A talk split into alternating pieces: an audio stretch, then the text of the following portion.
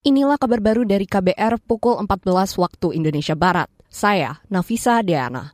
Komisi Bidang Hankam DPR menyetujui Kepala Staf TNI Angkatan Darat Kasat Jenderal Agus Subianto menjadi Panglima TNI. Hari ini, Agus menyelesaikan uji kepatutan dan uji kelayakan di DPR. Menurut Ketua Komisi 1 DPR Mutia Hafid, pengesahan nama Jenderal Agus sebagai Panglima TNI akan dilaksanakan dalam rapat paripurna pekan depan. Lebih minggu depan uh, kita ada paripurna lagi tanggal 21, jadi insya Allah di tanggal Panglima ada di Jakarta. Ketua Komisi 1 DPR Mutia Hafid menambahkan, komisinya juga menyetujui pemberhentian dengan hormat Panglima TNI Laksamana Yudo Margono yang akan digantikan Jenderal Agus Subianto. Persetujuan ini diiringi pemberian apresiasi atas dedikasi Yudo Margono yang pensiun akhir bulan ini. Kita ke berita lain, saudara.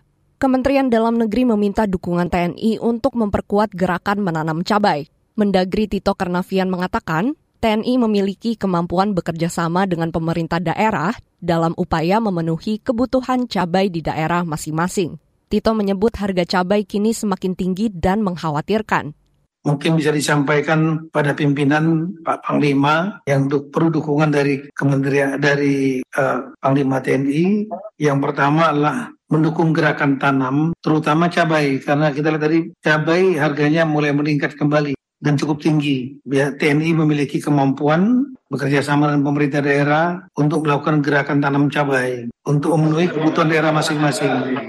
Mendagri Tito Karnavian juga berharap dilakukannya pemerataan modifikasi cuaca. Hujan buatan, menurut Mendagri, penting untuk mendukung upaya peningkatan produksi pangan. Sementara itu, Badan Pusat Statistik BPS melaporkan, cabai merah menjadi salah satu komoditas yang mempengaruhi perubahan indeks perkembangan harga hingga pekan kedua bulan ini. Kita ke berita selanjutnya. Ketua Mahkamah Konstitusi Soehartoyo mengajak seluruh hakim konstitusi membangun kembali sinergitas persaudaraan dan juga kebersamaan dalam bekerja. Soehartoyo juga mengingatkan saat ini terdapat tuntutan publik agar Mahkamah Konstitusi meningkatkan kualitas putusan.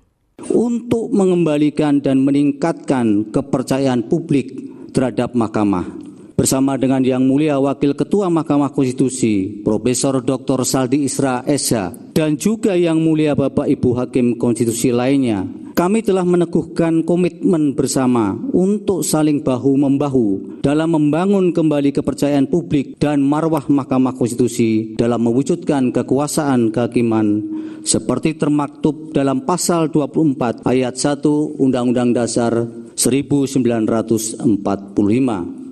Ketua Mahkamah Konstitusi Soehartoyo juga menegaskan akan meningkatkan rasa kepemilikan dari seluruh pegawai MK agar tercipta suasana kerja yang semakin harmonis, terarah, dan seimbang. Sebelumnya, Soehartoyo terpilih menjadi Ketua Mahkamah Konstitusi berdasarkan rapat permusyawaratan hakim Kamis pekan lalu.